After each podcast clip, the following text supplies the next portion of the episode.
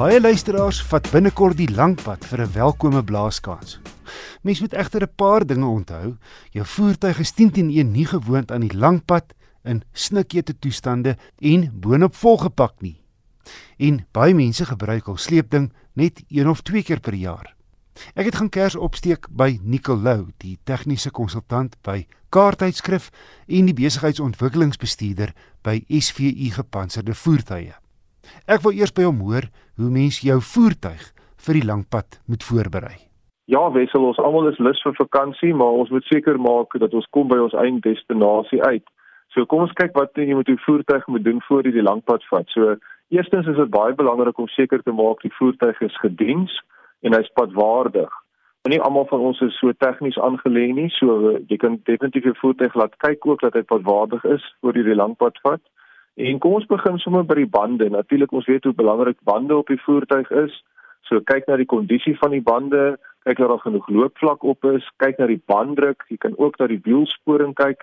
En wat baie mense vergeet, daai spaarwiel. Gaan kyk bietjie na daai spaarwiel, is hy op die regte druk? Is die loopvlak nog reg? En dan is die domkrag en die wielsleutel ook in die voertuig. Want ek dit is nou 'n probleem as jy nou met 'n papwiel gaan staan wat jy nie kan ruil nie. Ja. Ehm um, baie belangrik. En ehm um, dan weer gekyk na wat waardigheid jou ligte moet natuurlik almal werk. Geloop om die voertuig. As jy by die vooruit kom kyk sommer dat daar nie krake op is nie. En kyk ook sommer dan na jou lisensieskyfie.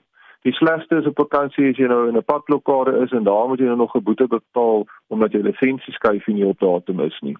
As jy daar by die vooruit is, kyk ook sommer 'n bietjie na die ruitveers, maak seker dat hulle in 'n goeie kondisie en maak ook seker daar's water in daai bottel wat uh, die ruitveer ehm um, help om jou ruit skoon te was. Ja. Ehm ja. um, dit is van net 'n veiligheid ding daarso. As jy bietjie tegnies aangelê is, kyk na die vloeistofvlakke van jou voertuig, maak seker die olievlak is is reg, die water en die verkoelingsvlak, dat jou remvloeistof uh, is is reg. En ehm um, ek is altyd 'n voorstander daarvan as jy op 'n reis gaan, vat vir jou 'n bietjie basiese gereedskap. Nie almal van ons is is mechanics nie, maar maak seker jy het 'n skroewedraaier, jy het 'n tang, jy het miskien 'n 10 en 'n 13 sleutel as jy die battery moet vervang. Weereens is net daai van as jy vinnig iets moet doen en jy het niks om jouself mee te help nie. Dan wil ek ook vir die mense sê indien jy nou jou voertuig op die langpad wil vat, maar daai voertuig is eintlik een wat jy net gewoonlik in die stad ry. So jy ry kort ritte, jy ry jy laat die kinders by die skool af, jy kom terug. Die enjin is nooit so temperatuur ehm um, hoog nie. Ehm um, en jy ry ook nooit hoë snelhede nie.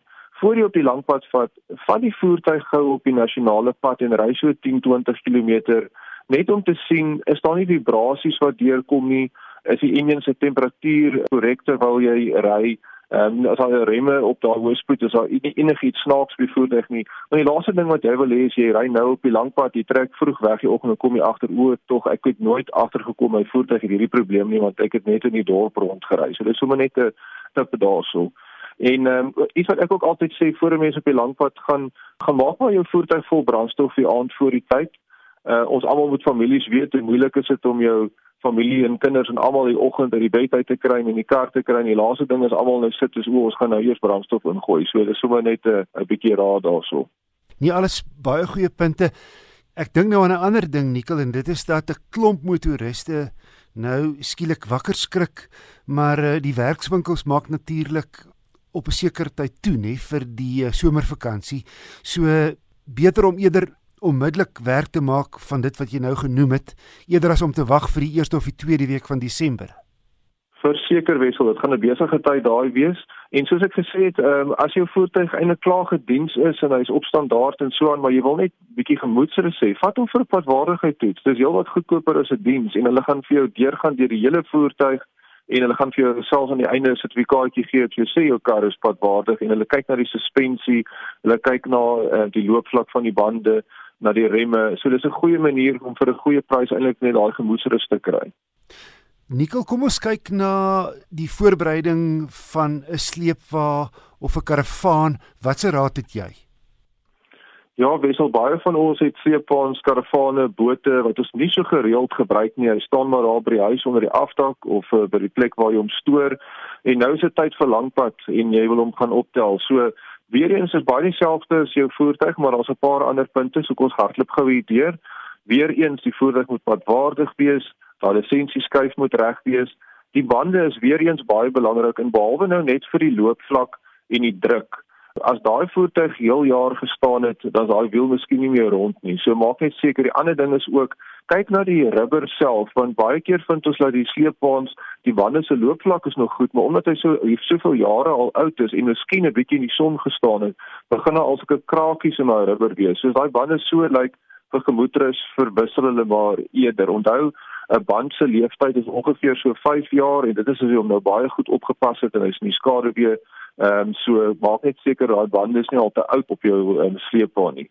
Dan natuurlik ons praat altyd van die wiellaars of die bearings en ehm um, ja, dit maak maar seker hulle is gepak.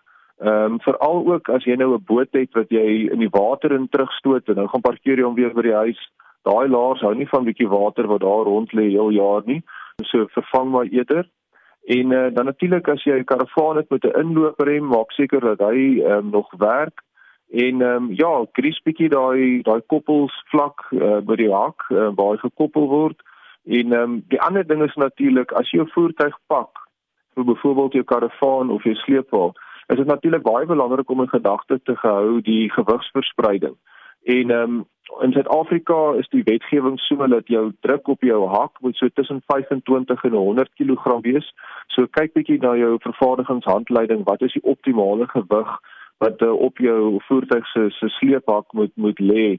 En uh, dit gaan natuurlik ook verseker dat hy baie meer stabiel gaan wees as jy moet sleep. Nikkel het dit al met my gebeur. Ek het eers die Sondag aand voordat ons vertrek het, die volgende oggend agtergekom dat my sleepfase ligte nie ooreenkom met my motor se nie wat natuurlike gevaarlike situasie skep. Jy maak 'n baie goeie punt Wessel, definitief um, vir alles jy miskien jou voertuig verander het want ons het gesien al met die nuwe tegnologie voertuie partykeer is daai daai koppelvlak nie heeltemal dieselfde nie. Jy moet eers soos hulle sê 'n adapter vir jou gaan kry. Of natuurlik daar's net 'n los koneksie en al die ligte wil nie werk nie. So gaan prop jou voertuig in laat iemand agter staan en net vir jou kyk as jy die remme trap en natuurlik laat jou jou flikkers al twee kante werk en ook jou gewone ligte wat in die nag want dis die een van die gevaarlikste goed as jy ry op die pad en iemand het 'n sleepwa wat nie ligte aan het nie want dit kan maklike ongeluk veroorsaak Nicolou die tegniese konsultant by Kaarthuiskrif en die besigheidsontwikkelingsbestuurder by SVU gepantserde voertuie. Indien jy weer na hierdie bydrae luister, dis ook soos alle vorige motorrubrieke as 'n potgooi op RSG se webwerf beskikbaar. Gaan loer onder naweek aktueel.